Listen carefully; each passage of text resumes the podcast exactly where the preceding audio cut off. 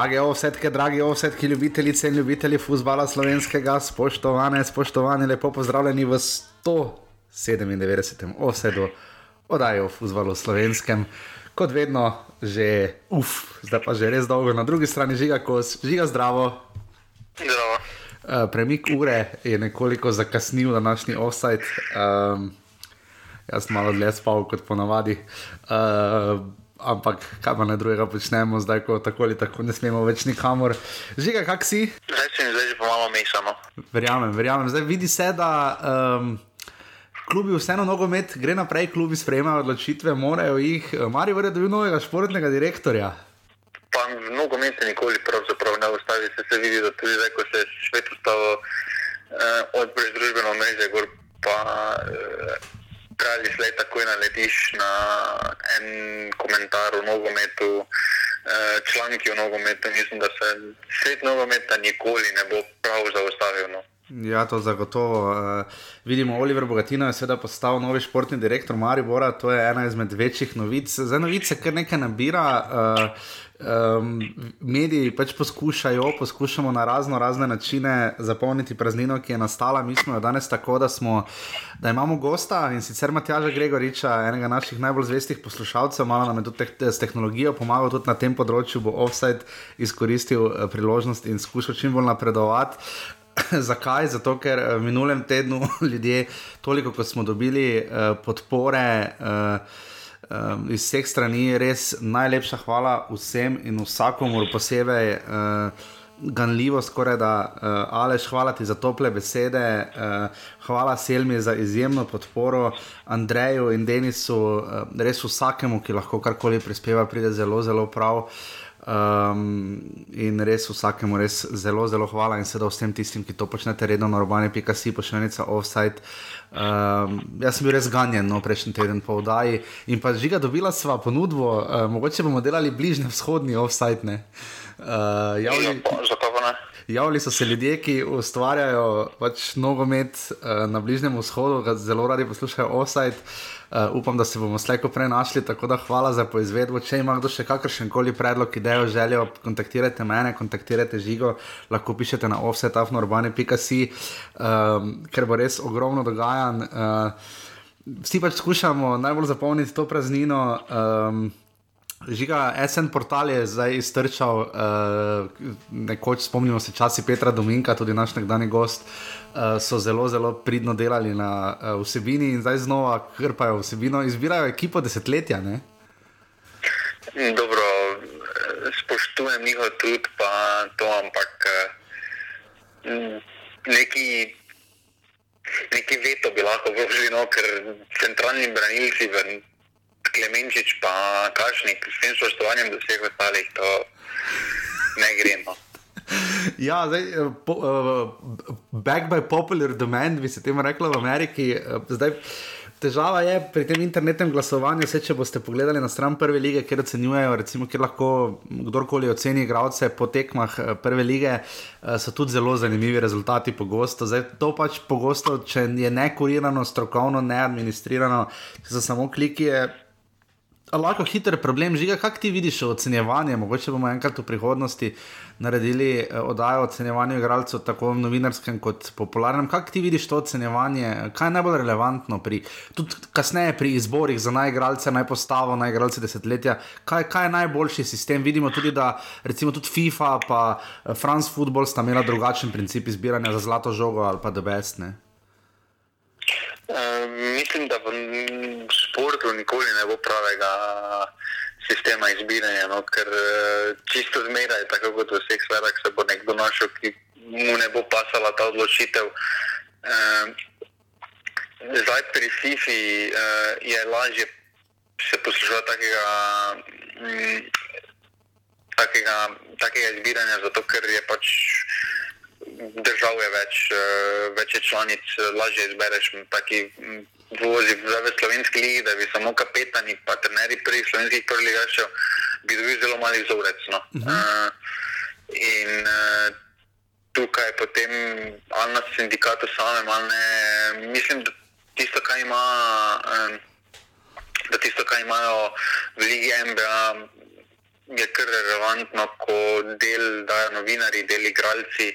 Uh, mogoče bi še določen delež uh, se lahko vključil tudi navijače z nekim določenim procentom, ampak mislim, da uh, za tiste ena ekipe na koncu sezone novinari in igralci sami. No. Mhm. Mene se tu zdi novinari, predvsem v množini. Ne? Recimo, vem, da tudi ekipa v preteklosti, ko zbira za nazaj, za koledarska leta, recimo najboljše mlade igralce, najboljše trenerje, najboljše tuje igralce, najboljše karkoli pa že zbirajo.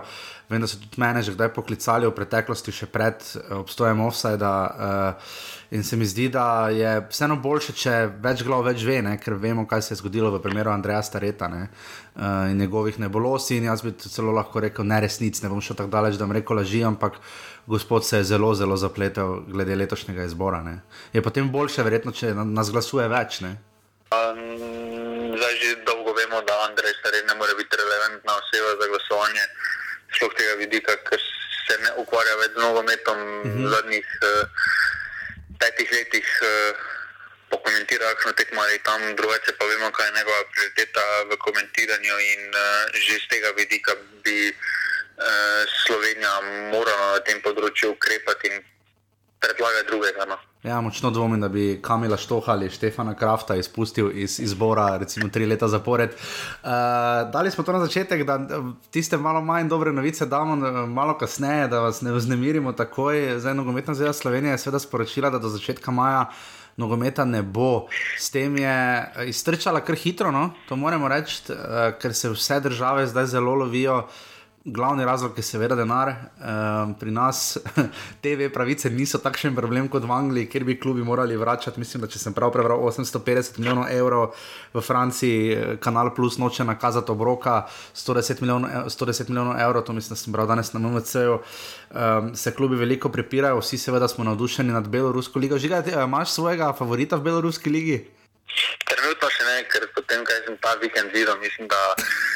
Uh, boljše mogoče brez nogometa, kot so nogometi. ja, Beloruska liga seveda traja še naprej. Uh, izraz, iz, zelo so zadovoljni z popularnostjo, ki jo liga dosega, kar verjamem, čeprav se igra pred praznimi tribunami. Uh, ampak ja, zdaj uh, dobra stvar je, danes je večer bil zelo dober članek. Uh, športni direktori, poslovni, oziroma poslovni direktori so večinoma odgovarjali na vprašanje ne vseh klubov, ampak vendarle. Uh, so odgovarjali, kaj prekinitev pomeni uh, za nje, in večinoma seveda pravijo, da m, mm, bi radi vse konkretno vedeli, pri čem so, no zdaj vse vejo, da v aprilu nogometa ne bo. Uh, vse nekaj manevrskega prostora še imajo, ampak jaz imam občutek, da za en mesec še ja, uh, potem pa bo počasi že problem. Recimo, uh, uh, gospod Kuzmič iz Mure je lepo povedal, da jim prihodki od stopnine primerijo, uh, pomenijo eno tretjino prihodka. Recimo za primerjavo, v Mariboru je ta, ta uh, znesek okrog ene desetine. Ne? Dobro, mislim, da pravi slej, oziroma po mojem, so nekateri klubi že prišli do koncensa.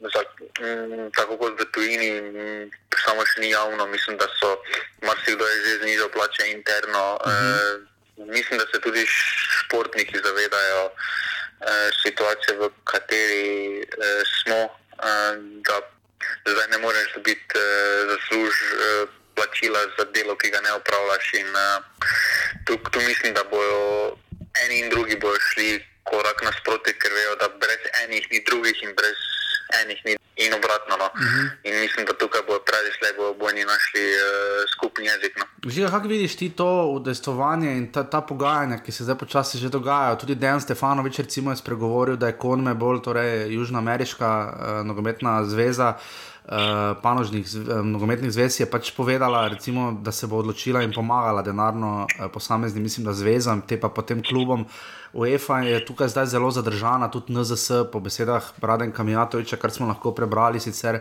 delajo neko komisijo na, na NZS, ki jo vodi generalni sekretar, mislim, da, ampak neposredne pomoči klubom ne bo. Zdaj, to je tudi nekako, mislim, da niti naj ne bi bilo dovoljeno, podobno recimo, kot deluje pomoč državam članicam v EU, ampak eh, že kaj je zdaj tu rešitev? Uh, tudi igravci, zdaj vidimo najbolj pereč problem v naši okolici, seveda Dinamo, ne, kjer se govorijo ne na dobijelici, ki ima sicer tudi sam čez milijon evrov prihodkov, mislim, da na leto, ne, kot trener Dinama, zelo uspešen trener, uh, ampak igravci ne pristajajo na zmanjšanje plač, tudi recimo v Španiji, Barcelona, Atletico, obstaja nek vzvod, kjer se plače zniža, mislim, za 10 odstotkov, zakaj več pa ne, kaj narediti zdaj? Dobro, Atletico je znižal plače. Atletico je, no, pardon, Barcelona. Bar se vem, ampak vem, da kolikor sem sam bral, vsi dalova v Guardianu, obstaja pač nek poseben protokol, ki omogoča brez uh, pogajanj oziroma pristajanj igralcev, da ti v bistvu lahko začasno znižaš plače, ne pa dolgo, ne, pa ne, tako, ne, ne toliko, kot bi sam klub morda želel. Kaj je, kaj je po tvoje zdaj rešitev sploh v Sloveniji? Pa mislim, da večina klubov je dela na tem, sploh manjših. Uh, uh -huh. Zdaj, kaj je prav pot. Uh, sam nogometne zveze ne bi mešaval, ker vemo, da nogometna zveza se noče mešavati, eh, ko so uspehi, oziroma dvigne roke, ko so. Ko pride problemi, dvigne uh mhm. -huh. roke od uh, lige in reče, da to ni njihov problem, uh, uh -huh. da bodo poskušali pomagati v najboljših močeh, ampak vemo, kako je to pri nogometni zvezi. Tako da tukaj na neko pomoč nogometne zveze, mislim, da ni realno, niti ni pričakovati. Uh, Se pravi, mislim, da se je marsikateri športnik lažje odločil za to, ko, bo, ko je sprejet e, zakon, da se prispevke SPL-cem plačajo. Uh. -huh. In bo marsikdo iz neke manjše sredine bo to sprejel. Zdaj pa klubi pa so tudi tako, zdaj če nimaš na računu vsaj za en mesec ali dva obratovanja potem boljše, da se ne greš te zgodbe, sploh prva liga, no, ker vseeno nekaj od, od tada je moč imeti za tiste hude razmere, ker nikoli ne veš, kaj bo prišlo. Včasih smo se smejali, ko je to bojan ban ob, vsaki, ob vsakem, novi, vsakem komentarju, v vsakem intervjuju je to podaril, da nikoli ne veš, kaj bo prišlo. Zdaj pa vidimo, da je imel kako prekleto prav in da No, kljub hvaležno, da je tako uh, razmišljal. Mm -hmm, absolutno. Uh, Maribor je seveda obdelovala tudi kasneje, danes se bo obadala tudi nekoliko z velenskim rudarjem. Zelo zanimiv intervju je dal John Mary, če se ga seveda še spomnite.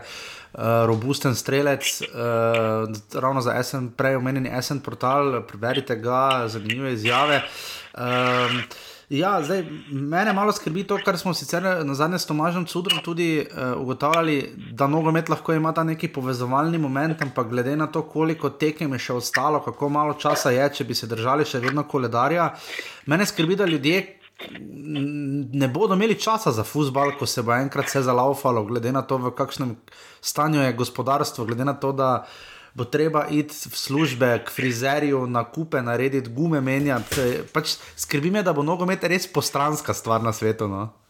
Dobro, frizer je reče, no, treba iti, ker že počasi sem živčen. No. uh, ampak. Uh, Ja, ampak ne smemo posabiti, da kaj nas je v zgodovini najbolj združevalo, kaj je narode uh mhm. -huh. najbolj združevalo, je prav šport, uh prav mhm. športni uspehi. In mislim, da tukaj bo hitro bo vsak našel ta zvod, eh, da lahko pozabi na eh, tisto življenje, ki bo pol svet prišlo, da bo lahko zadev uri odklopil, eh, kaj se dogaja okoli njega, da ga ne bo motil, da bo lahko šel po noči na pir s kolegi.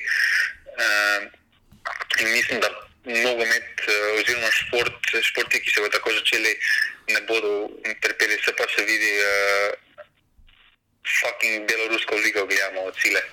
Ja, definitivno. Uh, žiga, um, zdaj nekako videli smo, da lahko eden od tistih, ki je iz, pač krizo, v krizi videl delno priložnost, je seveda tudi Milan Mandarič. Ne? Napovedal je kar konkretno rezanje stroškov. Ne? Uh, pač nekako bi rad racionaliziral delovanje na 3 milijone evrov na leto. Ali je to možno?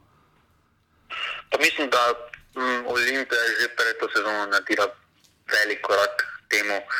Uh, sicer postopoma ne moreš priti s šestih ali sedmih milijonov na leto čez noč uh, na pol, na pol manj, to je dejstvo, ampak koraki so bili um, naredi k temu. Uh, zdaj po tem poletnem uh, prestopnem roku bo še bolj razvidno.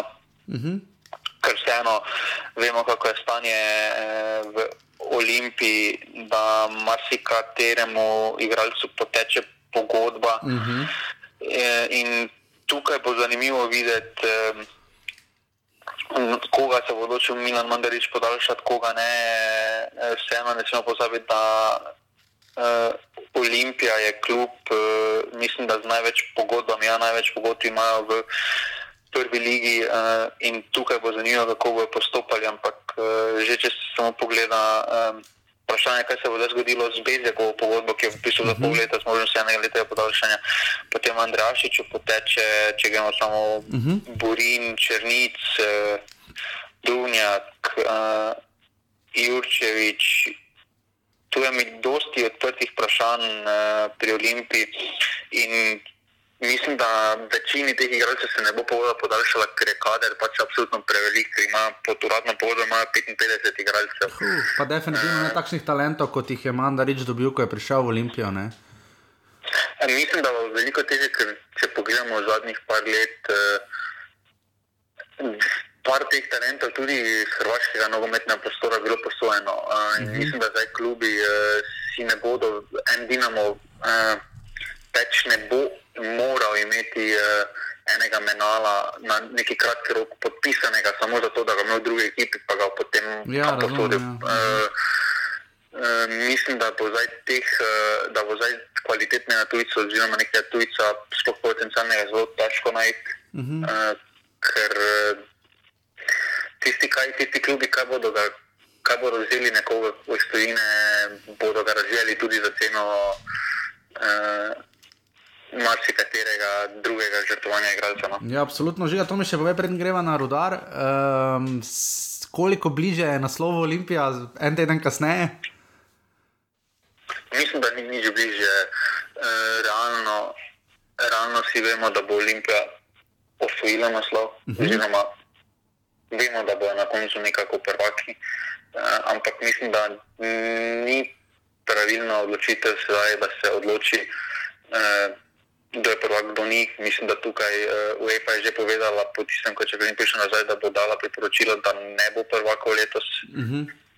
Da ne rabi biti prvakov, no, tak, da na zvezi je potem več odločen, ampak da za UEFA ne rabi biti prvakov in da veljajo tudi uh, drugi merili zdaj za prijave v evropska tekmovanja. Uh, mislim, da sam prvak ni tako pomemben kot eh, to, da se moramo odločiti, uh, kako, kaj in kdo uh, v Evropo. No? Ker zdaj, če pogledamo, naše, če se odločimo za ne prvaka, pa obdržimo lanske tabele za evropske pokale, to pomeni, da celje, ki je zdaj drugo, ne gre v Evropo. Ja. uh, tu, nikoli, tu vidimo, da nikoli ne bo pravilnega pravilna odločitev, ker vedno bo imel nekdo ta povedati, ampak uh, malo sebično bi mogel tu v slovenski novi gledati in uh, bi moral najti uh, neko srednjo pot. Uh, za, tukaj, tukaj se pač gre za koeficient in mislim, da bi uh, Olimpija, Maribor, Mura, uh, dosti, bilo, do, dosti, do, dosti bolj koristno bilo, da grejo vsi ti trije klubi v Evropo kot pa s tem slušanjem do celja, pa aluminijano. Tukaj mislim, da lanski, lanski, lanski vrstni red bi vsem bolj odgovarjal. No. In tukaj imamo potem Olimpija. Uh mhm. -huh. Je na slabšem. No. Ja, ker bi pač igrala za Ligo Provako. In koliko je rudar bliže obstanku? Žal se vsakim tednom povečuje te možnosti.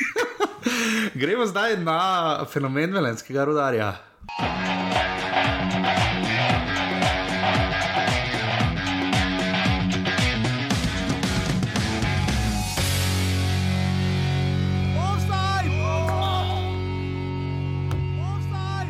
Predvidevam, da rodarja ne bova primerjala z nobenim drugim slovenskim klubom, ne? glede na izkušnje med taborom in zavrčem. ne, mislim, da uh, tudi brez tega imaš prilag. Uh, primerjamo. Ja, hvala. Dobili smo namreč zelo zanimiv kontrargument in bomo seveda dali vsem besedo, daleč od tega, da smo nezmotljivi ali da uh, ne bi uh, dajala tudi seveda drugih primerjav. Zadnjič je bila primerjava z Avrečem zgolj posrečen poskus zapolnjevanja futbalske praznine.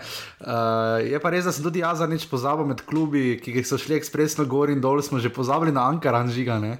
Tista je bila še posebna izkušnja. Ne? Na tisto, tisto je bilo potovanje po slovenskih uh, zelenih prizoriščih. Ja, definitivno. Uh, ja, zdaj žiga je izpostavil nekaj točk, nekaj zadnjih sezon uh, velenskega rodarja, um, da malo pogledava, razšleniti, kaj je šlo po sezoni 2013-2014. To je bila sezona, ko je rodar osvojil tretje mesto, trener je bil seveda Jrnej Javornik. Ne? Uh, v reprezentanco je šel Ivan Firer in še nekdo, mislim, da je izvelenja. Ne? Uh, pa se zdaj ne spomnim, kdo. Uh, skratka, časi, ko je šlo uh, rudarju predvsej bolje. Uh, In uh, ko so ne na zadnje tudi potem igrali uh, z uh, Lačijem in izpadli žal po 11, po 11 metrovkah uh, v prvem krogu kvalifikacij za Evropsko ligo, so pa potem seveda še v lanski sezoni, torej predlansko poletje, če tako rečemo, 2018 igrali seveda tudi za Evropsko ligo kot četrto vrščeni klub prve lige, premagali so Trefiori in pa potem v prvem krogu San Marina in pa potem seveda visoko izgubili z nič proti 6 proti Steaui.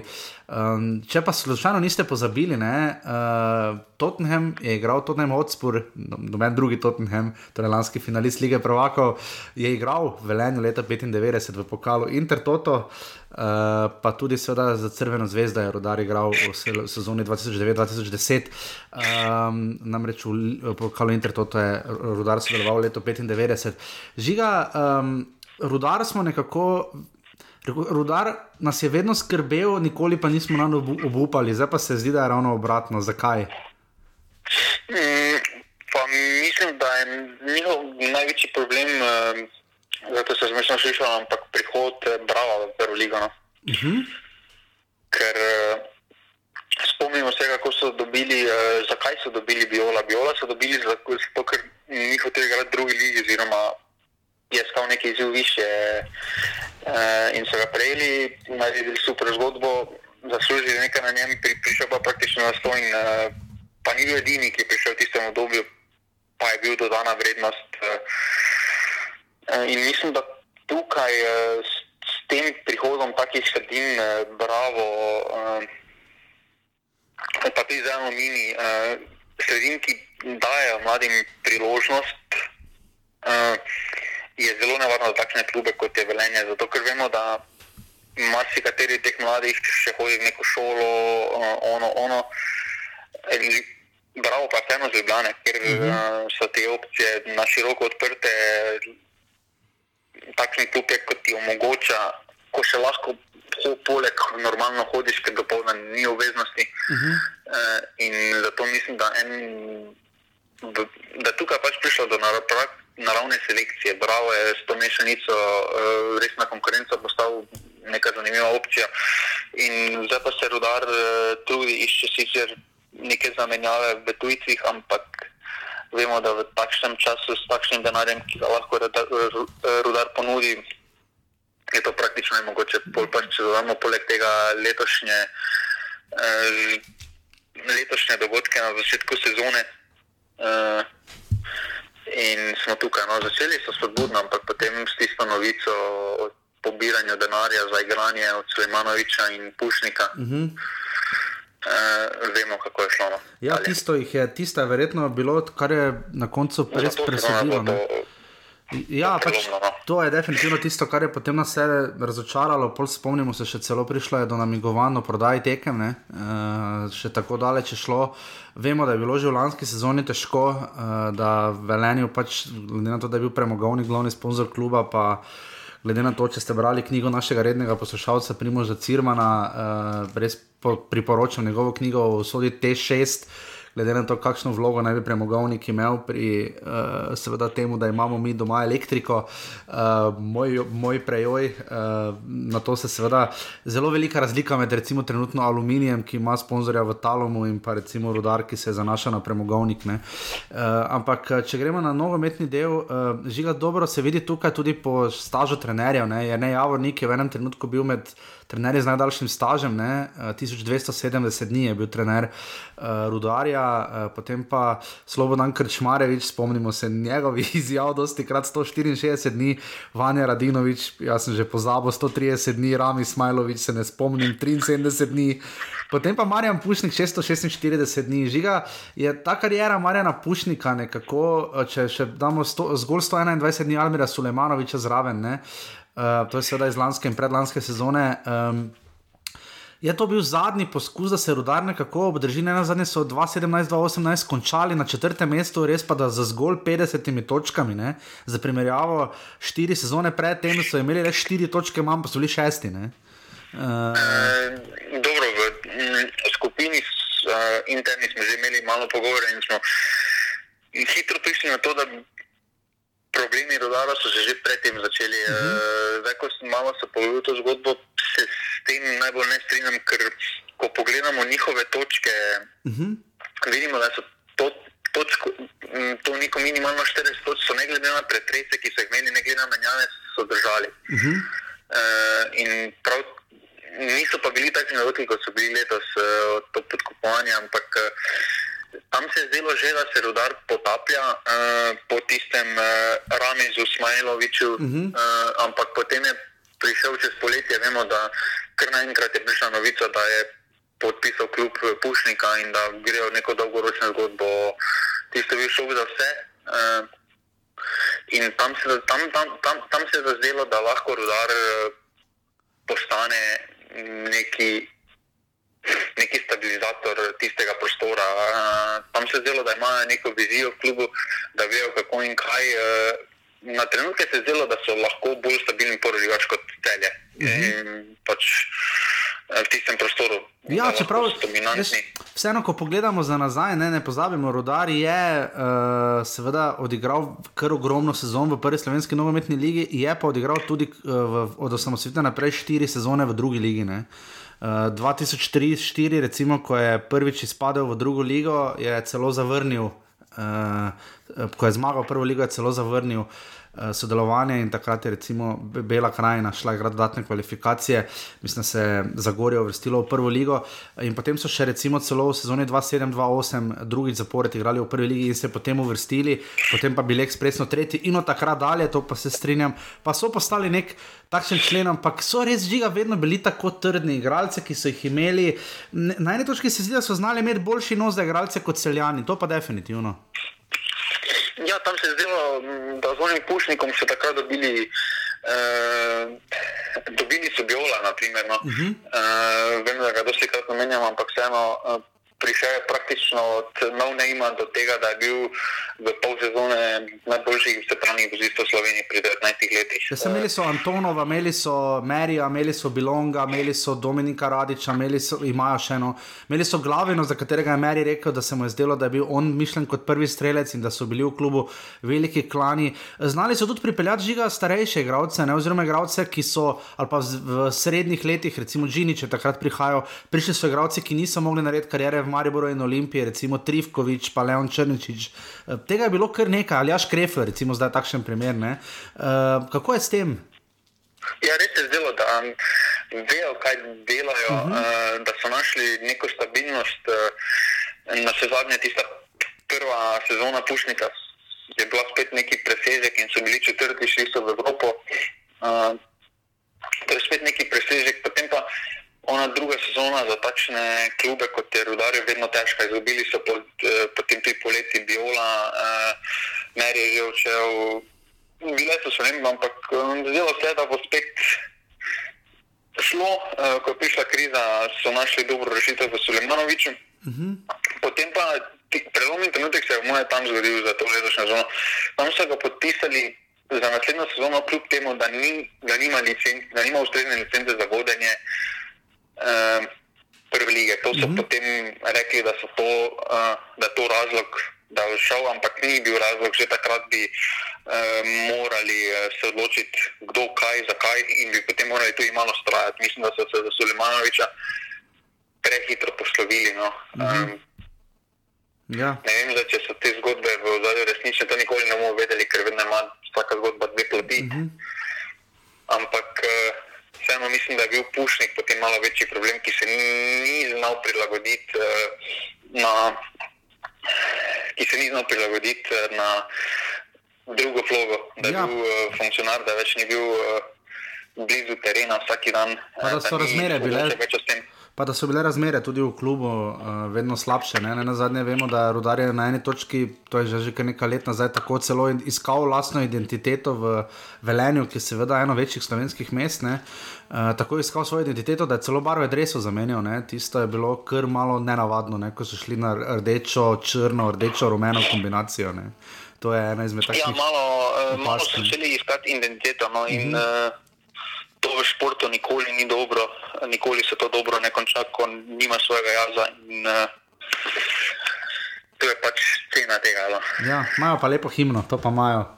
Uh, pa ne samo tiste od Čankroka, tudi tisto, mislim, da uradno. Uh, ja, je pa se treba vprašati, uh, zakaj so živeli na tako visoki nogi, kot so vedeli, da lahko v zadnjem letu so No, v zadnjih od leta 2013 so zaslužili pristop en milijon skoraj. No. Ja, to si žiga naša e, milijon evrov za takšen klub, to je res dosti denarja.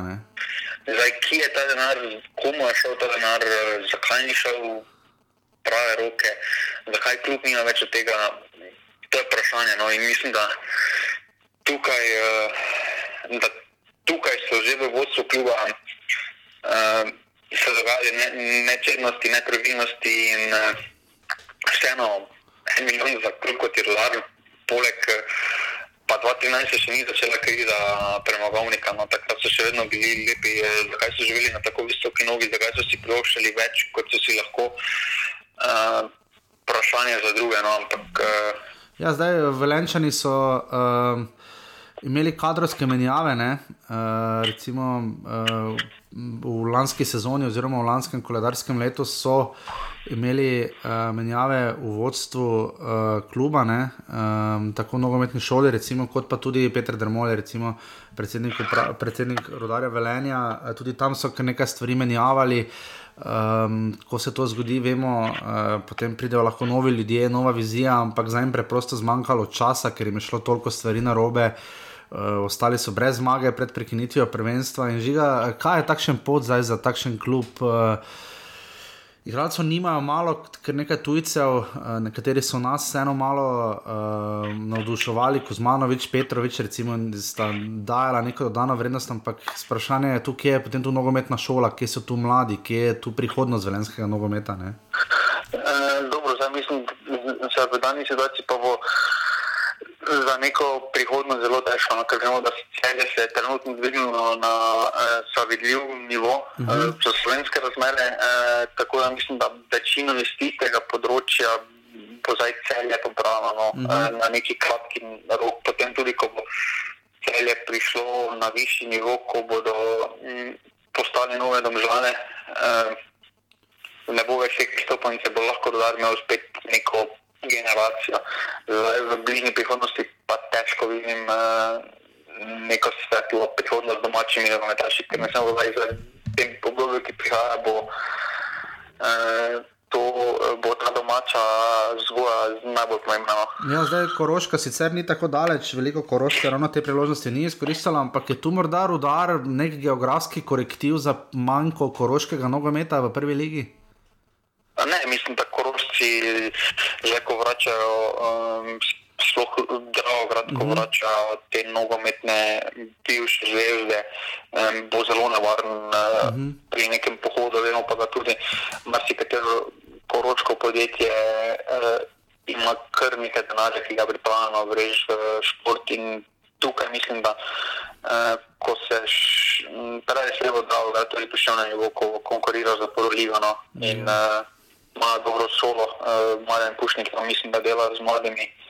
Uh, da bo, uh, da bo tam tudi lepa zgodba, se lahko spiše. Naj lahko skrbi za rodar. Jaz sem že povedal, da če bo letos padli v drugo ligo, da jih kakšno sezono, dve, mogoče tri več ne bomo videli v prvi ligi.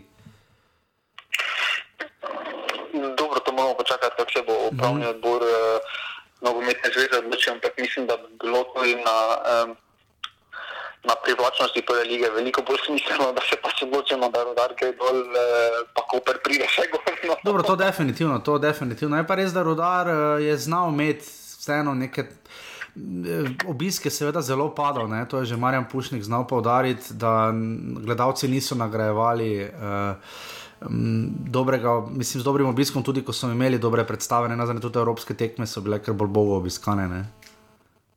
Um, mislim, da v rodaru, uh, da v rodaru uh, oziroma v Velenju uh, je pač drugi šport, ki je ta in vedno bo, mm. ne glede na to, kakšne rezultate bo imel, kakšne rezultate bo imel nogomet. Uh, in glede tega vidika je um, en koper, ena gorica, en zavrč, na vse zadnje, mm. če bi obstajal še v takšni obliki, veliko bolj dobrodošla. Um, yeah. Tudi to pestrito za prvo. No. Tudi celje ima ta problem, ne rokometni. Nič, ja, da se ne opozori, da ne bo še tam jezni. Ja, tudi Linda. No. Ja.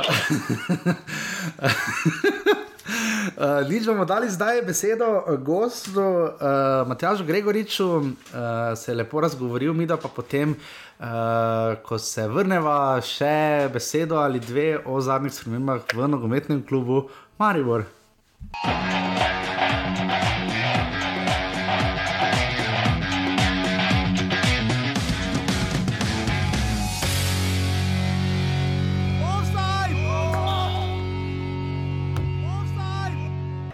Okay.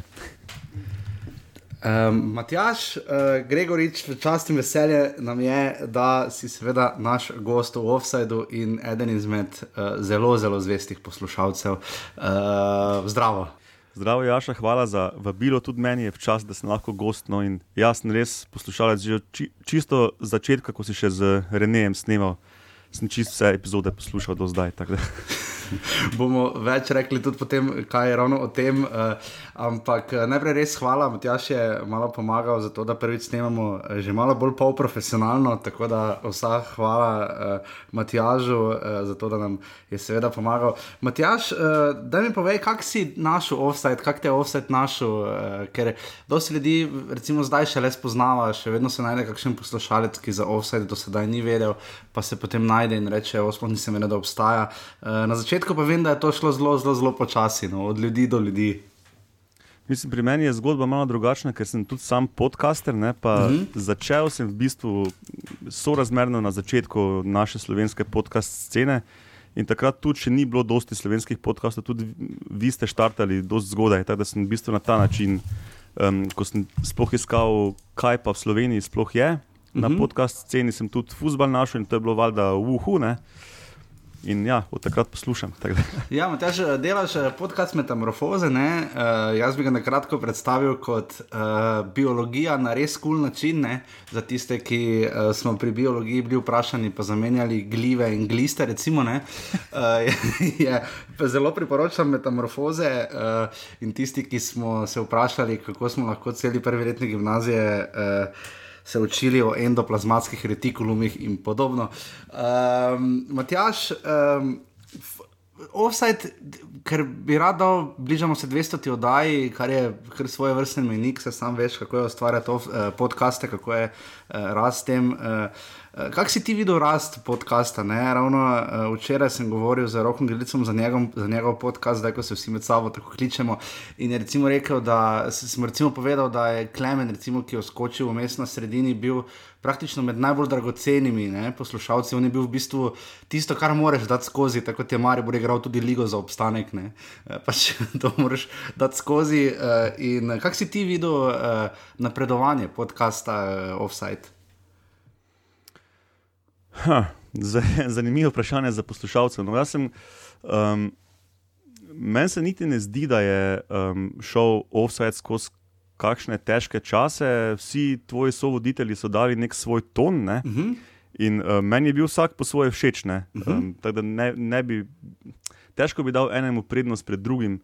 Uh, in se mi zaradi tega tudi ne zdi, da je, da je, kakšen, da kak, da je kakšna kriza bila vmesno. Um, je pa, kar se pa pri podcastih um, splošnem, kar se podcastov tiče, pa pač to en tip medija, ki je še vedno malo v razvoju, še vedno dosti ljudi tega ne pozna. Um, je pa sigurno ta on-demand audio prihodnost. Audija, jaz mislim tudi v radijskem smislu. Ne. Ja, zihar pač ni. ni um ni nekega guidebooka, dobro se lahko se zgleduješ po tujih podcastih uh, za posamezen žanr, ki vedno obstajajo. Ampak uh, se mi tudi, da ko smo pač začeli, meni je pač bila zelo velika želja, uh, da sem seveda, da, da, da je bilo s časoma vedno manj Maribora, ne? seveda, ker pač smo ustvarjali uh, tukaj v, najprej v GT2. Uh, in se mi tu zdi ta, da smo potem dali na vso Slovenijo. Ampak, uh, Matjaš, veš, kaj se hotel s tabo tudi med drugim pogovarjati, mogoče do podcasta še prideva.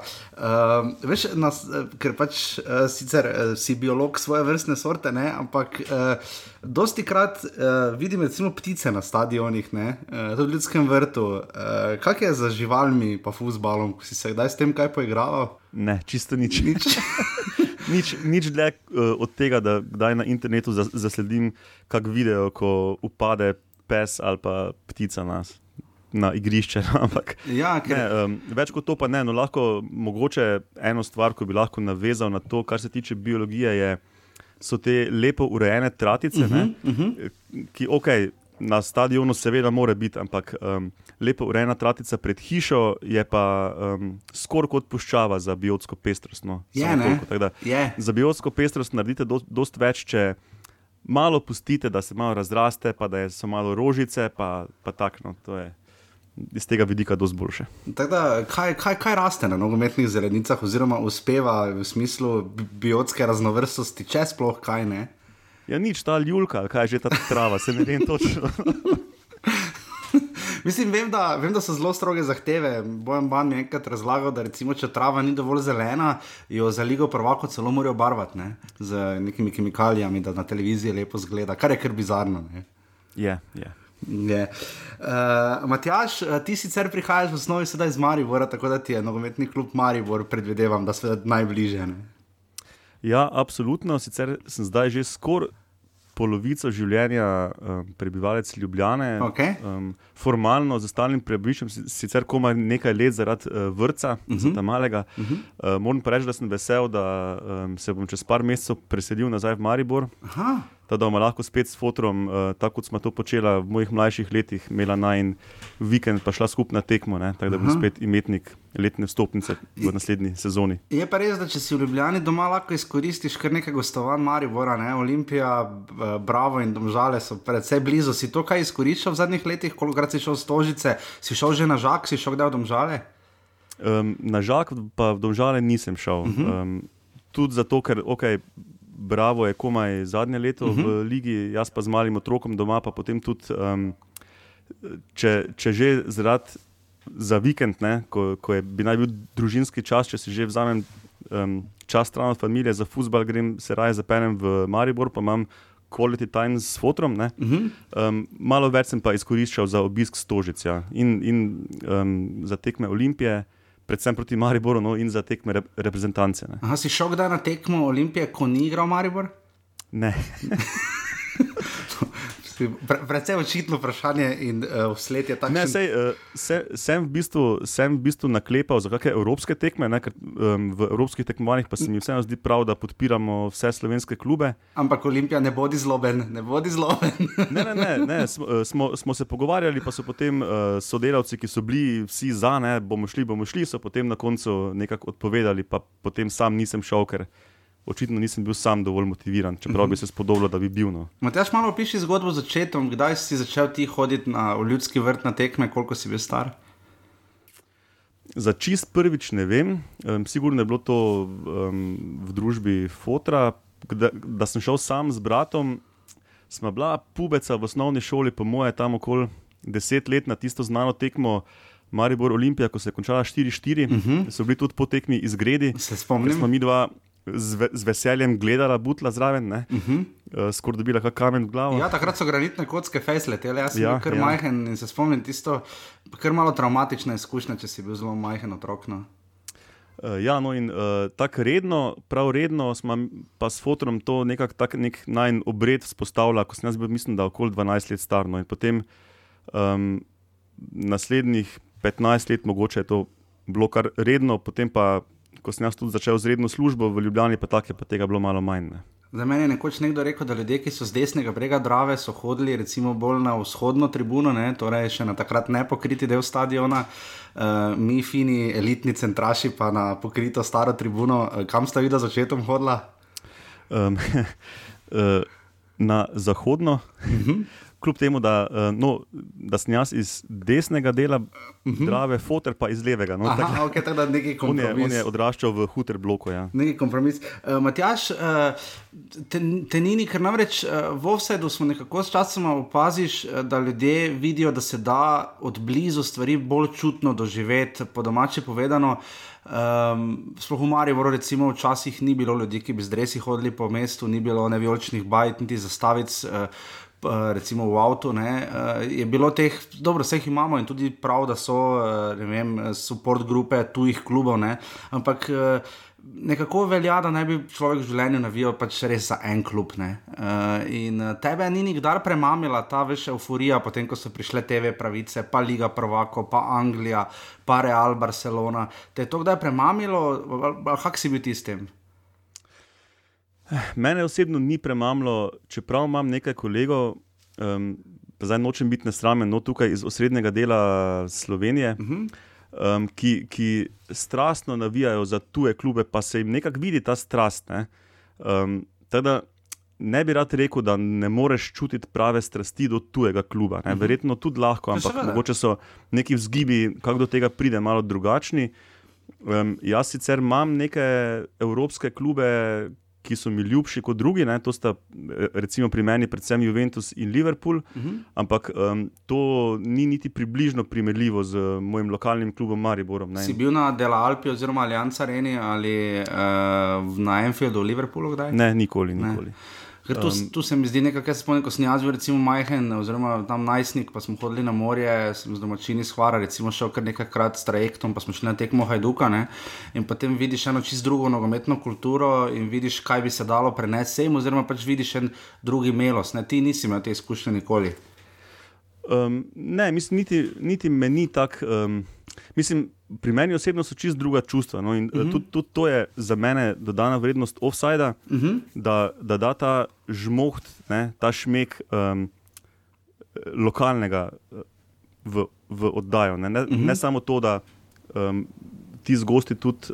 Um, Malo manj politično korektno se pogovarjaš uh -huh. o mhm. stvarih kot uh, neki mainstream mediji, uh -huh. ampak tudi to, da se, da se da se na, narediti zgodbo in videti, videti lepe stvari in lepe zgodbe v, um, v neki čist lokalni sceni, ki mogoče ni tehnično in taktično in v vsem tem, na, niti približno na nivoju top ne, ampak mhm. um, ima pa dost čustev in tega žmohta. Ne. Recimo, um, meni ful pomenijo neke izkušnje. Um, Da, ne vem, po hudem porazu Maribora, ko sem kot pubec šel domov v blokovsko naselje in tam en tip, ki sem ga recimo srečeval, um, um, znanec iz tistega naselja, tam sam v temi pred hodom joče uh mhm. -huh. in čaka, preden bo šel gor, ker pač se ga je to tako prizadelo. Ali pa ne, vidiš neke um, kuriozitete, neke, um, bom rekel, podnarekovaje vaške posebneže, ki, ki redno hodijo na, na tekme.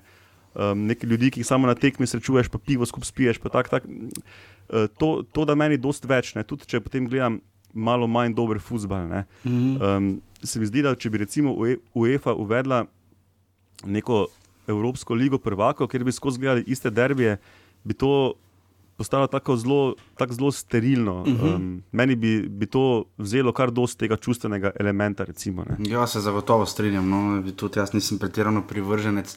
Uh, tega. Uh, Matjaš, glede na to, pač Marijo Borčan, prebivalec Ljubljane, to si se res politično korektno izrazil, bog ne da, da bi rekel Ljubljančan. Uh, si uh, morda uh, razmišljal kaj o tem, kako so videti, recimo, sploh zadnja sezona, zadnji dogodki, odhod Darka Milaniča, odhod Zlatka Zahoviča. Uh, pa tudi ne na zadnje uspehe, ne Maribora, ki so se vmes zgodili, liga, dvakrat Liga Prvaka, trikrat Evropska liga. Uh, kako je vse to videti iz Ljubljane, če si Mariborčan? Jaz mislim, da je popolnoma enako, kot če bi bil Mariborčan. ne. Oziroma, če, če bi živel tam, še vedno o tem um, debatiram z, z, z drugimi navijači kluba, ne glede na to, odkje so. Da, um, mislim, da to ni čist nič drugače. Celo sodelavci, ki so iz drugih koncev um, Slovenije, me o tem sprašujejo, no, pa se potem o kavi o tem pogovarjamo. No, ampak uh, mislim, da ni neke razlike. No. Ja, je pa vseeno, to, če- če rečeš z Maribora v Ljubljani, ljudje kar hitro asociacija pride na futbal. Ne, Ja, to je pa res. Ja.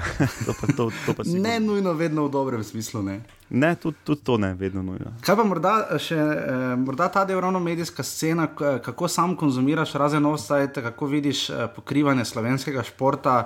Eh, kot rečeno, ravno z rokom smo včeraj debatirali o tem, eh, recimo, meni je zelo velika škoda, da nimamo res dobrega tednika športnega, da morda ni še več oddaj, še več medijskih vsebin, morda bolj kvalitetnih na nivoju, kot jih vidimo recimo na področju Balkana ali pa tednika, bog ne da, da bi se primerjali z državami, kot so recimo Italija, ne? Eh, če primerjamo samo sosede. eh, Kako tu vidiš, ne? ker če, če kaj smo športna nacija? Ne?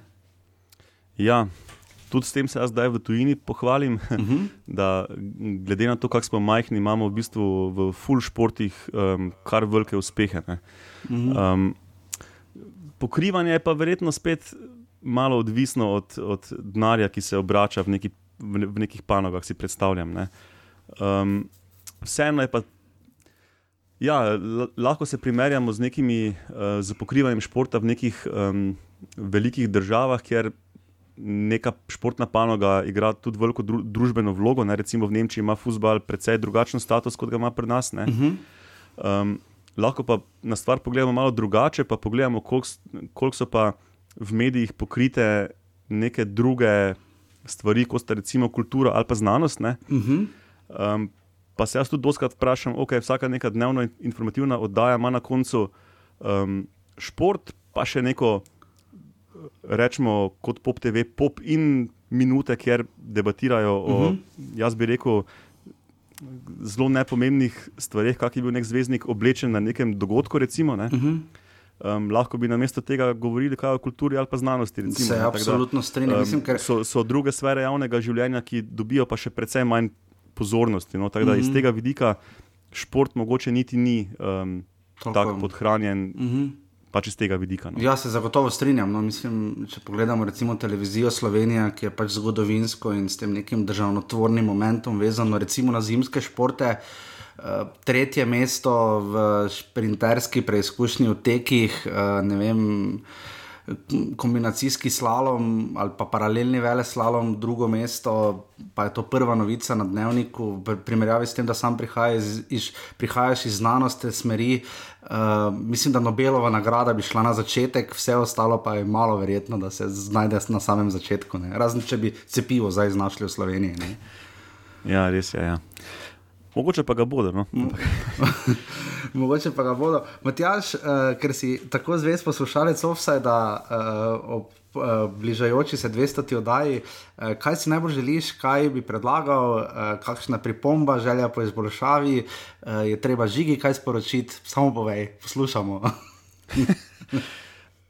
Pa ne, jaz v bistvu, jaz v bistvu nimam nekih um, konkretnih predlogov za, iz, za izboljšavo, razen pač um, upanja, da ne bo ta postala, ali pa pač kdorkoli bo v prihodnosti tvoj um, sovoditelj, če bi si žiga mogoče premislil kdaj. Upam, da ne. eh, Da, da nikoli ne boste postali preveč politično korektni, no, um, kot, kot kdaj slišimo ali pa beremo v, v mainstream medijih, kjer uh -huh. se v bistvu dosta obrača neke floskole, pa take neke fraze, ki v bistvu ful nimajo neke, eh, nekega po, pomena, ampak zapolnijo prostor. No. To je meni največja do, dodatna vrednost. Um, dodana vrednost nekih takih oddaj, kot je offside, in upam, da, bo, da se to pač ohrani um, na dolgi rok. No. Um, predlogov za izboljšavo pa nimam. Aha, super, bo, bo to politično korektno. Jaz sicer ponavadi se probam držati nazaj, ker če bi še jaz stavkal v smer, žigi pustim popolnoma proste roke, uh, kar popolnoma izkorišča, ampak ja, se zagotovo uh, lepo slišati. No, in se Mislim, ok, uh, žiga je včasih kar piker, uh -huh. zdaj mene osebno to ne moti, ful, mogoče koga drugega tudi, ampak um, je pa to tudi del njegove osebnosti. In jaz uh -huh. pri podcastih jih imam to rad, da, um, da ljudje dajo svojo osebnost noter, pa zaradi tega um, ne bi hotel govoriti, da se morajo ljudje spremeniti, ker potem tudi mogoče zgubiš na neki drugi ravni. Kaj, ne? uh -huh, zagotovo. Um, tudi, tudi mi na ta način snemamo. Um, si odpremo pivo in um, kakšen obček nalijemo zraven, potem en sproščen pogovor, kot da bi te nekdo pač čist sproščeno vprašal o neki biološki temi. In tudi ne dajem nekih posebnih navodil ljudem, kako uh -huh. morajo govoriti, zaradi te avtentičnosti. Uh -huh. Ja, absolutno. Dajte priložnost podkastu Metamorfoze, na metini listi jih najdete. Uh, res dober smeh. Tisto ste sami, potom samo povedal, tisto ste sami posneli uh, odprtje piva, ki je jingle vmes uh, ustavljen, ali je to kupljeno iz kakšne databaze audio jinglov? Ja, kupljeno za nek dolar. se mi je zdelo kar profesionalno posneto. Ja, ker ni, sem proval sam, pa ni tako enostavno posnet, um, da se lepo sliši odprtje flašeno. Ja. Um, se sliši dosti bolj simpel, kot pa dejansko je. No. Ja, definitivno. Um, ja, Matjaš, eh, upamo, da bo čim prej nogomet nazaj. Ne? Ja. Um, Lahko, preden me uh, pustiš iti k drugim aktivnostim, še um, dam en poziv ostalim poslušalcem. Seveda, da je. Ker, ker mi dva smo prišli v stik tako, da sem vam, uh, vam jaz žigal, v bistvu, pa mislim, da je bil še žiga že takrat. No. Uh mhm. -huh. Vem, da je še Novakovič igral za Maribor. Aha, te je bil že žiga. Ja, ja um, v bistvu sem imel neko željo, da Točno. bi neko statistično znanje, uh mhm. -huh. ki ga znanstveniki imamo, uh mhm. -huh. nekako uporabo um, za, za obdelavo podatkov ali pa za predstavitev podatkov v nogometu, za uh -huh. neke mhm. take oddaje, kot je vaš podcast. Aha, to, bi, to bi se ja, ti lotil. Mislim, ja, ja, jaz eh, pač eh, rabiš izziv. Ljudi mogoče ima neke podatke, ali uh -huh. so to novinari, ali so to entuzijasti, kot je Matjaš Homar, ne, Opta uh -huh. Žabar. Uh -huh. um, pa mogoče ne zato, ker nujno ne bi znali teh podatkov obdelati, ampak ker mogoče samo rabijo um, še koga zraven, da bi, ker je potem bolj zabavno, ali uh -huh. pa ker gre malo hitreje. Um, jaz bi bil zelo vesel, um, če bi lahko ene, nekaj podatke obračal, pa, da bi mhm. neko zgodbo izdelal. Ja, zagotovo. Kako vizualno prezentacijo. Recimo, Ker idej teh eh, statističnih je kar veliko. Recimo, mene vedno zanima, koliko točk je potrebnih za obstanek. Recimo, Letos je analiza, koliko so si recimo klubi, kot gre miselno, vse Darka Milaniča je bila, da si klubi na vrhu jemljajo točke med sabo, ali je to samo letošnji trend, ali je dejansko takšen samo občutek. Ne? To so recimo statistične stvari, ki me zanima, koliko je občutek, pa koliko je statistika. Recimo statistika, Slavko Jarič je takrat obdelal, je pokazala, da prej, ko so tekme, več je golo. no, recimo mene, uh, mene bi zanimalo tudi nekaj takšnega, če različne ekipe v ligah, uh mhm. -huh. ni to nujno, da je samo slovenska liga, um, se, zanaš, um, se zanašajo na drugačne um, značilnosti igre, da prihajajo do točk. Ne? Recimo, če bi uh mhm. -huh. pogledal, katere karakteristike ekipe najboljše napovejo rezultat. Uh mhm. -huh. Ali zdaj to posest žoge, ali nevarni napadi, Aha, ali razumem, ja. karkoli uh -huh. že ne. Um, bi mogoče prišli do, do, nekih, um, do nekih vzorcev, da se ekipe pri vrhu na nekaj druga zanašajo kot ekipe pri dnu in mhm. podobne fore. Ja, Ampak prišli... zato seveda rabiš neke podatke, ki jih ja. imeti kar nekaj, da lahko uh mhm. -huh. nekaj smiselnega iz tega narediš. Uh -huh. Tada, če je kdorkoli rabi še koga, ki bi malo klikal, me lahko kontaktira. Ne. Absolutno, Matjaš, hvala, da si se javil in seveda hvala, da si bil v offsajdu in da si tako zvest poslušalec. Eh, še enkrat podcast Metamorfoze, dajte eh, priložnost eh, tako sproščene biologije in pa hkrati žejne, verjemite, ni nikjer druge. Tako da to je to, Matjaš, hvala ti, da si bil v offsajdu. Ja, hvala tebi za vabilo še enkrat in smo na vezi. Ne. Hvala, adijo. Adijo.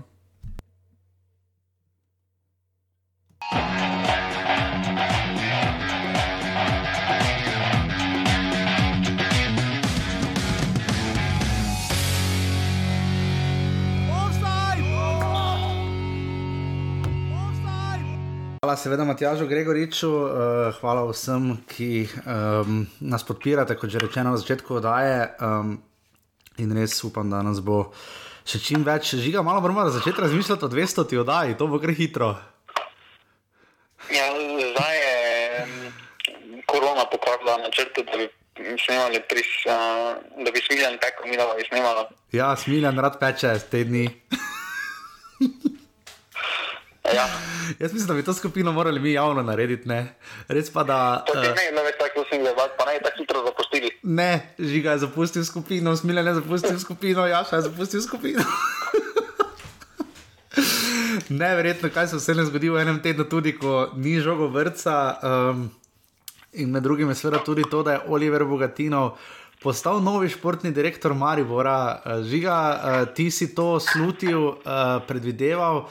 Um, in se je to na koncu tudi zgodilo, kako je enka Maribor to izpeljal. Zdaj, dobra stvar, verjetno je ta, da so pač reagirali čim prej.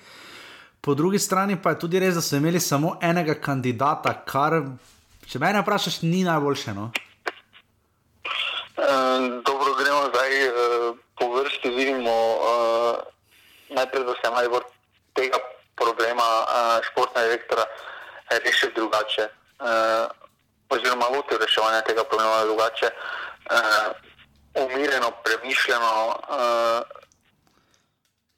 skratka, skupaj so stopili in so uh, predavatirali, šli so skozi kandidate najverjetneje.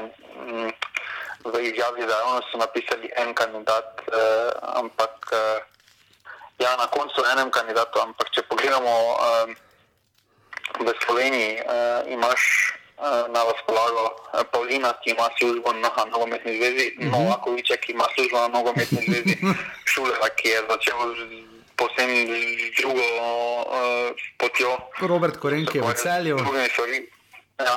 In -huh. kaj ti potem ostane? -huh. uh, potem ti ostane samo, da pogledaš svoje notranje rezerve. Uh, tukaj pa je Bogatino bil logično izbirano. -huh. ja, ampak pač marsikdo bi ga raje ali prej videl na, na, na trenerskem stolčku. Ne? Ker on vseeno. Ne, kot... mislim, mislim, da se prizirava. Mislim, da če se pogleda njegovo zgodovino glavnega trenera, uh, vsem zošnovanjem do takratnega aluminija. Uh -huh. uh, Drugih dosežkov praktično nima. No. No, ampak nima pa, uh, nima pa veliko izkušenj z tem uh, uh, direktorskim vodenjem. Bil je sicer vodja nogometne šole, recimo v Kopru, uh, Uh, dobro pozna sicer slovenski nogomet, ne zadnje je igral uh, od Kranja do Celja, do Kopra, pa potem na primorskem eh, postil svoj pečat v, recimo v Izoli ali pa v Bonifiki, kjer je še kasneje igral. Uh, šel tudi za trenerja uh, mlade selekcije v Saudsko Arabijo, bil pomočnik uh, kadetskemu selektorju in tako naprej. Ampak teh športno-direktorskih žiga atributov pa ravno veliko nima. Ne? Pa dobro, če bi šel za trenera, bi, če bi ga dali za trenera, je bilo to bolj uh, Milan Mikločič, uh, prenos karjera, ne gre to tako samo za eno mesto Maribora, kot trenerja, moraš imeti neko mestno stopnico, no, ker so pritiski absolutno preveliki, da prideš z enega okolja kot alumini uh -huh. uh, sem. Uh, in vseeno pa po drugi strani ima ustrezno izobrazbo, no? ima uh -huh. izobrazbo management. Uh -huh. Vodenje nogometne šole iz Kopra ali pa Maribora se ne razlikuje v takšni meri, kot si mi, da to predstavljamo uh, od športne direktora kluba. Vseeno, tam si, tam si odgovoren samo za mlajši stroj, gledaš mlade igralce, koga ja, koga ne, skrbi za strokovni svet. Tu pa pač imaš malo več, več številk na razpolago z večjimi stvarmi se moraš ukvarjati, ampak uh, mislim, da nek uh, premišljen človek, umiren človek, uh, kot je on, uh, se lahko hitro priuči teh vseh zank. Uh, da bi že tu izkušnjo, da ste v nogometu, uh mhm. -huh. mislim, da ta vloga, glede tega, malo bolj pisana, malo ja, bolj kožena. To je definitivno. Uh, zdaj, seveda, lahko je iz prve, oziroma iz druge roke, no, iz, na lasne oči videl, kaj pritisk lahko naredi. Ne. Bil je ne nazadnje pomočnik Marina Pušnika pri Olimpiji. Uh, bil je pomočnik Nežada Okšiča, ko so bili prvaki s Koprom. Uh, tako da od blizu te uspehe ima, bil je, mislim, dva, trikrat uh, trener eh, eh, mladincev Kopra, ko so bili mladinski prvaki, oziroma prvaki mladinskega pokala, ki je še zlasti cenjen v Sloveniji, uh, med mladimi, poleg sveda skupnega naslova. Uh, ampak uh, zdaj. 41 let je star, uh, v Mariboru je eno leto od poletja, ko je pač bil uh, strokovni vodja oziroma mm, strokovni svetovalec ali kakorkoli Sebastianu Harcu, ne, da, uh, vodi siceršnjemu direktorju oziroma vodi nogometne šole v NK Mariboru. Um, zdaj nekako sta tu trenutno z Gajserjem oba v tem, da noben od njih ni te funkcije še zasedal. Gajser trenutno je sicer. Eh, interim manager ali pa take, eh, te, ali pa kako se že reče, um, take care ali kako že, um, jaz sem že pozabil besedo, ampak. Uh, Se mi zdi, da sta tu zdaj oba na tej vlogi. Kaj zdaj čaka najprej Oliverja Bogatinova? Ne? Razen seveda to, da se bodo prvenstvo nadaljevalo, ko se bo pač prvenstvo nadaljevalo, veliko smo že pogledali tudi o pogodbah. Zlatko Zahovič je tistih nekaj ključnih podaljšal, preden je odšel. odšel recimo, um, mislim, da Kamilec, Viler, Mešanovič so bili takšni primeri. Ne? Tudi... Mešanovič ni ključna pogodba. No, ampak ni pa, ni, ni pa tako pač nizka pogodba, oziroma bi pač vprašanje bilo, kaj bi se zgodilo. Pa mislim, da je tu še Amir Derviševič, seveda zraven. Tako da letos praktično, razen vprašanja Handanoviča in pa Rajčeviča, ne čaka Oliverja Bogatinova nobena notranja pogodba. Seveda Rajčevič nekako pričakujemo, da se bo zdaj pa vendarle upokojil oziroma odšel iz kluba v kapaciteti igralca za Jasmina Handanoviča, pa še ne vemo. Več dela bo pa imel prihodnje leto. Ne? Uh, pa dobro, mislim, da zdaj uh, karkoli uh, je odlična situacija, da je kljub temu najprej prav športni direktor, da ni oboje skupaj uh, uh -huh. povedal, uh, ker še eno najsi športni direktor pripelje trenerja, ki ga hoče, ki ga vidi za to svojo vizijo. Uh, na koncu tudi on, uh, na koncu tudi športni direktor, vemo, da pač uh, mora stati za športnimi rezultati. Uh, a tudi tega lahko odnese in zato je smiselno, da si odnastaviš človeka, kateremu zaupaš, katerega veš, kaj lahko pričakuješ, veš, kako dela. Uh, in tukaj bo uh, zelo pomembna odločitev, čaka Bogatinova v tem smislu, uh, da se odloči pravilno, uh, da si izbere človeka, ki mu najbolj zaupa v tej situaciji, ker vseeno vemo, da. Uh, Zdaj, dokler še nima nekega statusa v klubu, se še ga nekaj lahko zamenja. No. Ja. Uh, ko bo šlo nekaj rezultat, uh, pa bo lahko že uh, malo tvegal pri nekaterih uh, stvarih, ampak uh, zdaj mislim, da najbolj pomembno, da si pač izbere človeka, kateremu zaupa. Če bo to Gajser, na koncu se je izkazalo, bo to Gajser. Mislim, da si uh, tudi on zasluži priložnost. Uh, Res za mali je ta situacija specifična, ker pač drugi, ker se trener poslovi, se tudi pomočnik poslovi, se tudi uh, to, ampak uh, mislim, da je Gajser tekom let uh, že pokazal, da se brez problema prilagaja drugačnim slovom igre.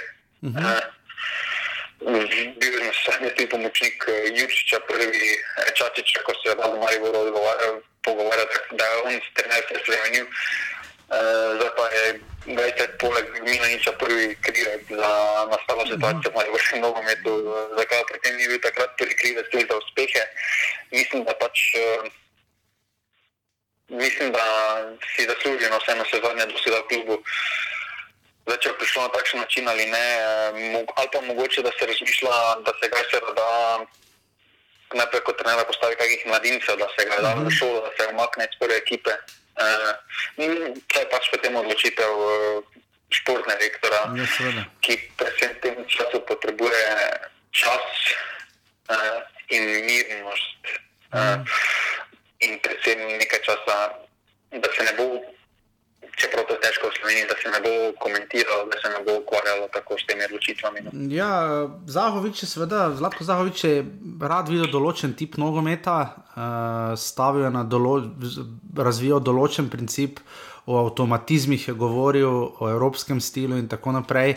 Oliver Bogatino, pač, če gledamo njegov DNK iz preteklosti, se vendarle zdi, da zna obrati mestoma malo bolj napadalnejši pristop, oziroma raje vidi, da vseeno ni vse tako popolnoma podrejeno sistemu, kot je bilo to v primeru Maribora oziroma Zahovičeve vizije. Ne? Zahovičeva vizija je pač vključevala en princip nogometa z seveda različnimi odtenki, ampak vendarle so se igralci morali temu precej prilagajati. Se bo zdaj to spremenilo?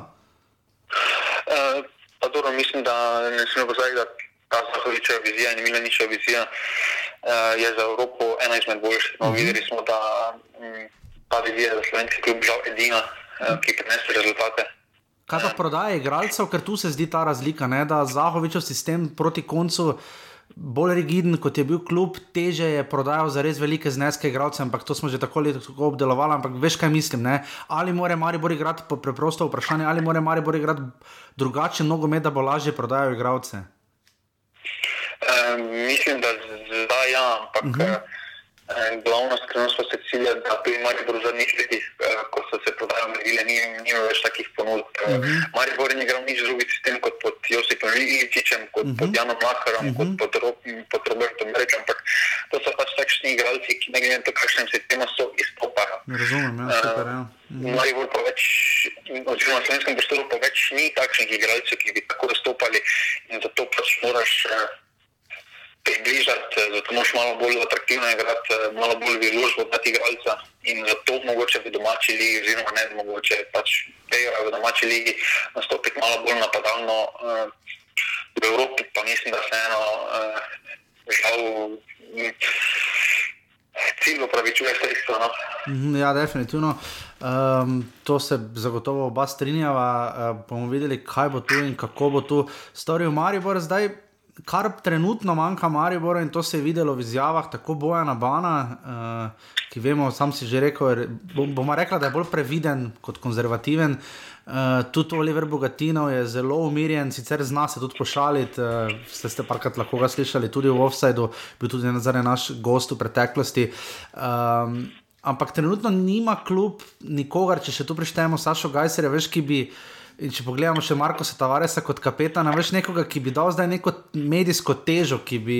Uh, vse te, tega v tem trenutku kljub seveda ne potrebuje, ampak veš kaj mislim, nekoga za nekim žmohtom, nekoga, ki bi res znal sporočati stvari. Se mi zdi, da ne vem, če je kljub pripravljen na ta medijski javnostni del, ki bo seveda slejko prej prišel, kljub bo seveda dobil svoj mir in prav je, da dobi svojo priložnost.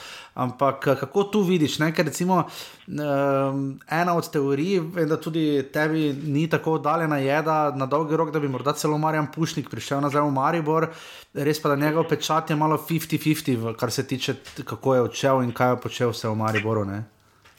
Ne, mislim, da tukaj uh, še kot sama govorca ponujata um, Rokurnovec, uh -huh. Mitrovič, uh, Viler, mislim, da so veliko dali, da znajo z besedami. Uh, Sploh Viler, vemo, da zna obrniti marsikaj, vse ki pa je zelo hiter z besedami. Uh, pa tudi odgovorno zna sprejeti v medijih uh, Handanovič in uh, tu za neko medijsko, uh, mislim, da ko bodo morali kar sporočiti igralci, da bodo preko teh kanalov šli. Uh, zdaj, uh, se pravim, uh, Zelo sem zdaj malo na minus, da je trenera, ko sem rekel, da se obogati na tiste, ki se zaupa. Uh -huh. Dejstvo je, da Maribor eh, zdaj v nekem rožnatem finančnem stanju, oziroma da lahko ponudi eh, brezkrbno 25 jurjev na mesec, eh, ni. Eh, zdaj, eh, najverjetneje bo Bogatinov opravil razgovore s potencialnimi kandidati, med njimi je tudi najverjetneje Marjan Bušnik, ki je pač slovenec, eh, nima neke visoke cene, eh, goji takšen nogomet, ki je uh, športnem, novemu športnemu ekviru blizu. Uh -huh. Uh, zato, če bo potem prestopil še skozi, se ne bi videl treneren. Za mene se to ne zdi pravilna odločitev, ampak to bo čas pokazal. No. Uh, sam ga ne bi želel videti tukaj. Uh -huh. Ampak uh, mislim, da se je eno kljub uh, s to odločitvijo pokazal, da je pripravljen iti po čisto drugi poti, uh, po neki novejši poti in mislim, da na to šteje tudi trener, uh, ki bi moral biti čist drugega, ki ne sme imeti nič zgodovine skupaj z Mariborom. Zato tudi se mi zdi smiselno, da se mogoče res predstavi Gajsera na kakšno drugo pozicijo v klubu. Mhm. Uh, ostavi iz prve ekipe, se začne vse skupaj z novimi uh, potmi, uh, se pusti. Mogoče se pripelje na kakšnega mladega trenera, ki ima malo nižjo pogodbo, um, se, se lahko na ta račun pripelje mogoče novega kondicijskega, novega, mm. uh, novega pomočnika, mm. da se skupaj zadiha z novimi ključi uh, in z, z novimi ključi. No. Ja, ker mladimi trenerji, oziroma tistimi, recimo, ki tako pravijo, zdaj Simon Rožman je v reki, seveda dobil. Ne? Uh, Dušan Kosi se tu ponuja, ne? nekaj imen ni tako malo za trenerje, ki bi čakali z veseljem svoje priložnosti, je pa tudi lahko, seveda, na dolgi rok tudi kakšen s časom, ampak to je pa verjetno že vprašanje petih, šestih, sedmih let, kakšen bivših igralcev, ne? celo kakšen Viler ali kaj podobnega, Handanovič na dolgi rok govorim. Ne? Handanovič mora, za Handanoviča mora kljub narediti vse, eh, da ga zadrži v neki funkciji uh, uh -huh. v klubu. Mislim, da potem, uh, ko prišlo tudi potrebno do menjave uh -huh. Piriha na tem mestu, mislim, da je čas tudi za Katkandanovič dobiti to priložnost -huh. uh, za najprej z delom z mladimi. Sam je povedal tudi, da ga to veseli. Imamo motiv, ker ste me se zadnje njegov sin trenira pri Mariboru. Uh, ima neki interni motiv, še zakaj bi hotel pomagati na ta način. Uh, ki se ima malo bolj, mislim, da take izkušnje kot jih ima Jasno Hrvanovič, so neprecenljive in jih je treba zadržati v klubu. No. Ja, kar ne na zadnje bil je tudi v tujini, ne? uh, nekaj, kar recimo Mitja Videla recimo nima. Uh, danes sicer praznuje svoj 36. rojstni dan, uradno Marko Stavares, ne? najboljši strelec. 40. najboljši strelec uh, slovenske lige. Tu nekje. Uh, žiga, na koncu si še zapisal pri pripravi današnje oddaje. Ne, samo, samo to še ne morem, mislim, da najbolj pomembno je to, da se mislim, da ne bo velikega medijskega eh, pritiska, zato ker tudi se bo predvsem zdušje na tribunah spremenilo. No? Uh -huh. uh, malo več zasproščenosti, uh, ker sta glavna dva odšla. Uh, in na ta račun mislim, da bo imela dobra ekipa zaigrala že tako ali tako, vidim, da bo to malo drugače, no, malo lažje. Vseeno je s takšnim bremenom je v ljudskem vrtu zelo težko igrati, no, ker videli smo, da v gostih uh, ti isti igralci znajo igrati, potem pa pridejo čez tri dni v ljudski vrt, pa mm. Ne premagajo ta vrstežanje. No. Ja, res pa, da pritisk po drugi strani Evropa je nuja, uh, brez tega bi Maribor hudo tanko piskal, Maribor se more v Evropo vrstiti če se ne, bo face kriza. A mislim, da ne bo. No. Misliš, da ne? ne vem, okay, no. uh, Žiga, na koncu si še napisal uh, najbolj svetleča oziroma svetla prihodnost naših prvoligašev. Uh, če so to mladi, malo si se poigral z uh, tem, kdo ima, že zadnjič, ko, seveda, ko, se, ko se je šlo primerjati, uh, recimo tabor pa Bravo, uh, smo pogledali, koliko si pogledal, koliko mladih igra v posameznih. Uh, reprezentancah, torej ne članskih, v reprezentanci v 21, uh, to si verjetno gledal za zadnje tekme ali za zadnjo leto? Ne, pogledali. Zadnji spisek. Okay, recimo v reprezentanci v 21, uh, dva je dal tri glav, uh, Roglja, uh, Žan Rogel in Jalen Arko. Um, potem Mura je dala uh, Horvata, Aluminij je dal Ploja in Štora, uh, Celje je dalo Stojinoviča in Zaletela, Domžale so prispevale Svena Kariča in Jane Zapiška, Tabor je prispeval Leo na sever in Leo na sever in Olimpija je prispevala Mitijo Valenčiča. Žiga je ta skor dober ali slab, ker mlada reprezentanca, kakih tri leta nazaj, sploh bilo ne mogoče iz Slovenije, že skoraj da not pridne. Zdaj se zdi, da je to malo lažje. Pa dobro, mislim, da Eh, mislim, da tisto, kar je bilo najbolj zanimivo, je že odšlo iz Slovenije. Mislim, da uh -huh. ta leta 21, eh, žal že skoraj zadnja leta, ko naredi igralec prestop uh, v tujino, ker vidimo, da igralec uh, v slovenskem prostoru, če je koliko toliko uh, zanimivo, z nekim srednjim klubom dobi že priložnost pri ligi pri 18 letih. -huh. uh, pri 21 letih pomeni, da imaš tri polne sezone igranja v prvi ligi, več ali manj to je 100 tekem na tem nivoju, mm. uh, kar se pokaže tudi klubom, ali si ali nisi. Uh, in tukaj mislim, da se ne ostalo uh, samo še pa posameznikov, ki jih lahko mogoče prodajo na neki malo večji denar, ostalo pa uh, je v neki srednji nivo. No. Mm, ja, se absolutno strinjam. Um, potem v U19 kategoriji uh, je Slovenija imela zelo zanimivo sestavo, kar šest igralcev je prispeval, bravo.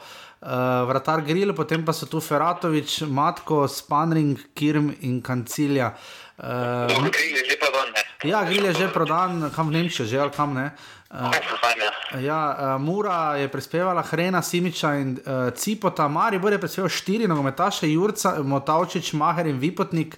Uh, za vse tri od teh štirih je v preteklosti tudi govoril Darko Milanič. Uh, celje je prispevalo Koritnika in Moličnika, Tomžale so prispevali Mihelaka, Urbančiča, Markusa in Svetlina, zadnjega smo največ videli od teh. In Olimpija je prispevala Kureža, Pavloviča in pa Ostrca. Ter udar je prispeval Jovana. Žiga, kaj pove ta sestava v 19, razen da so ti priimki povprečnemu poslušalcu oseda relativno neznani? Ne?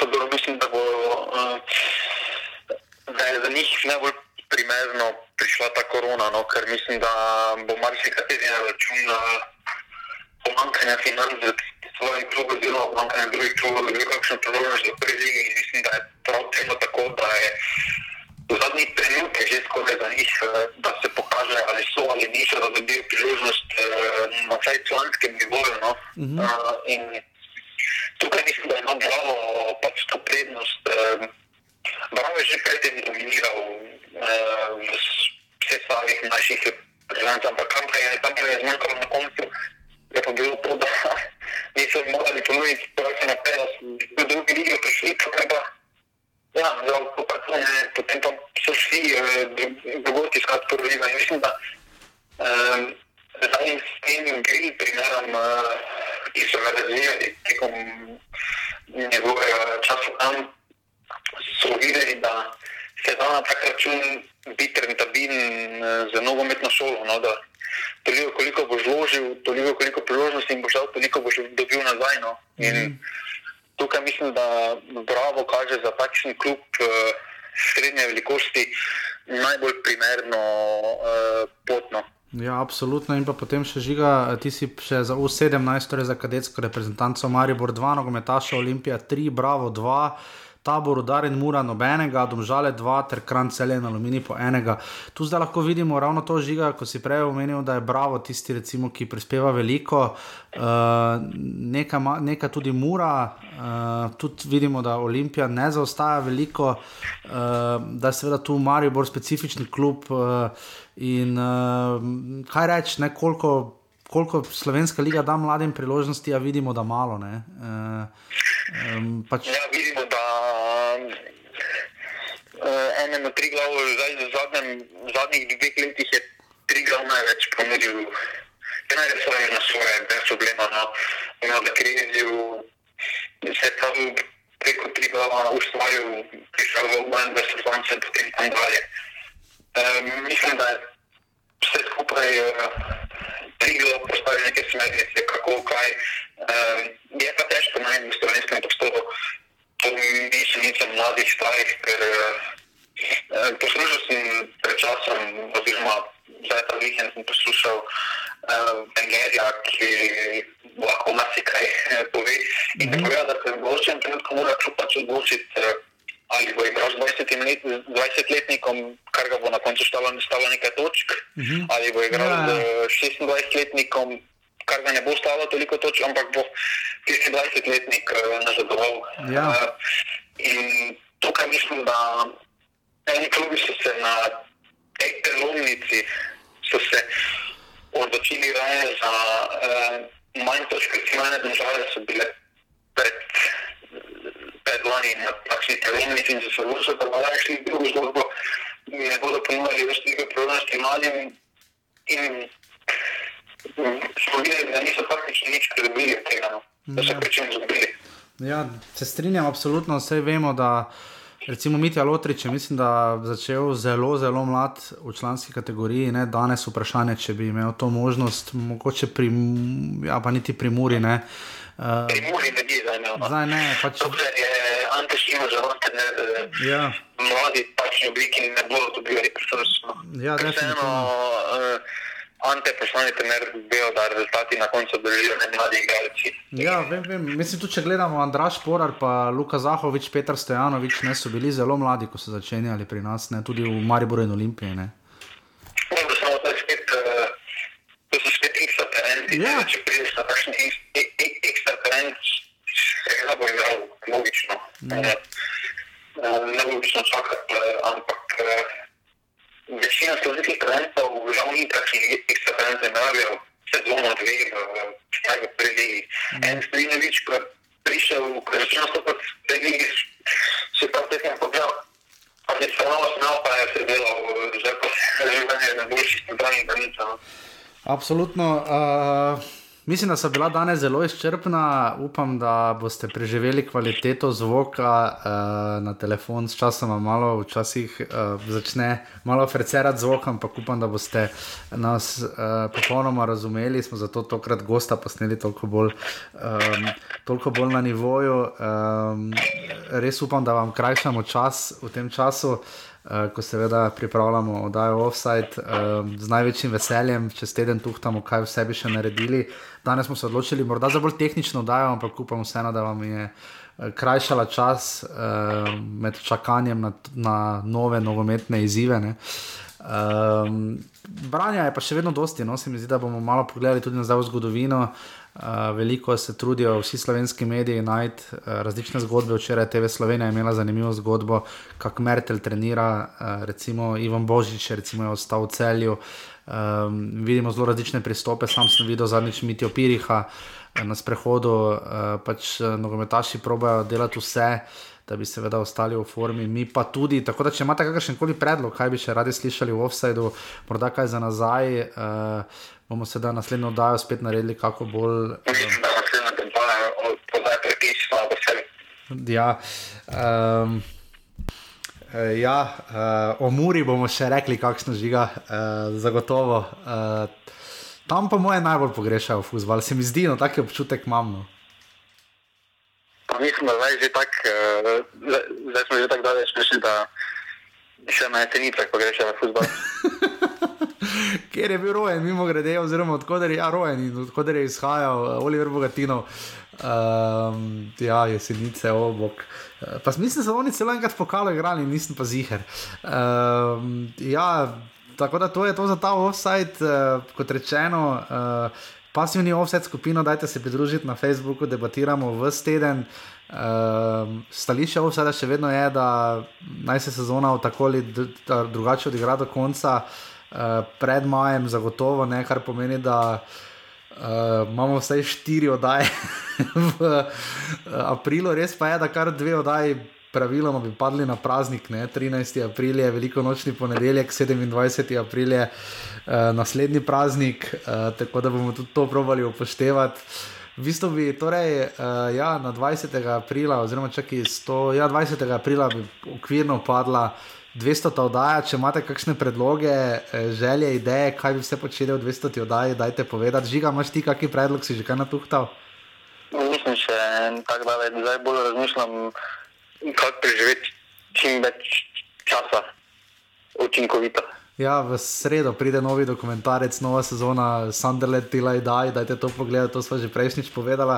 Dajte kar nekaj predlogov, morda bomo naredili oddajo kakšni, o knjigah in o filmih, o, o futbalu. Knjig je kar dosti, edino v Sloveniji jih praktično ni. Uh, to je škoda, ker se mi zdi, da imamo marsikaj za povedati. Meni se krmilo stori, že včasih, ko vidim slike Mihe Zupana na Twitterju. Uh, Um, ko pišeš, recimo, kakšne slike iz 2000, Olimpije in dresi v času Jurija Šolmajerja, moj bog.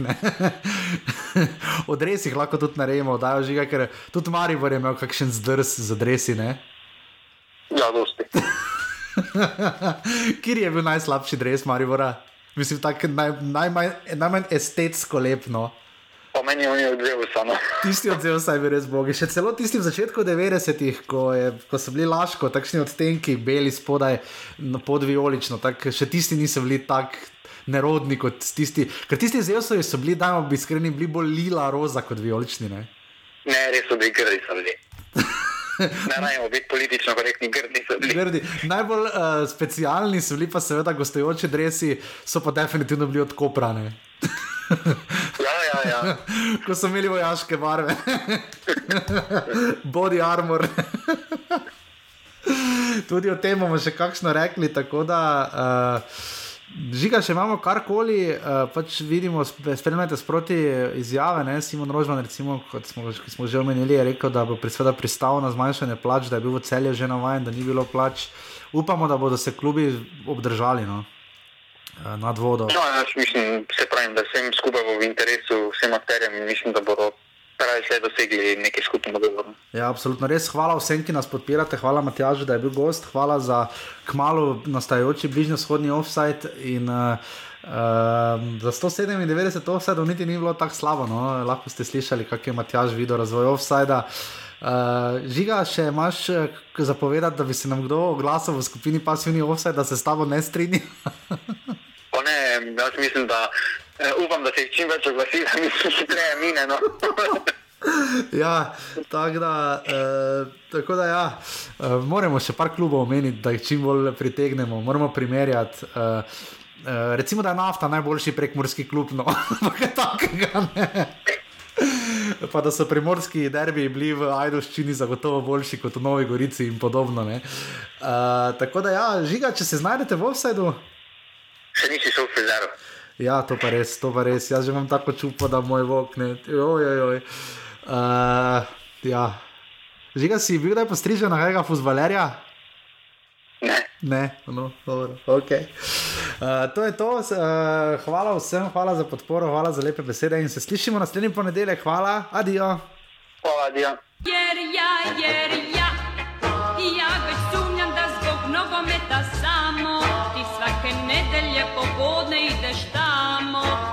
poesia.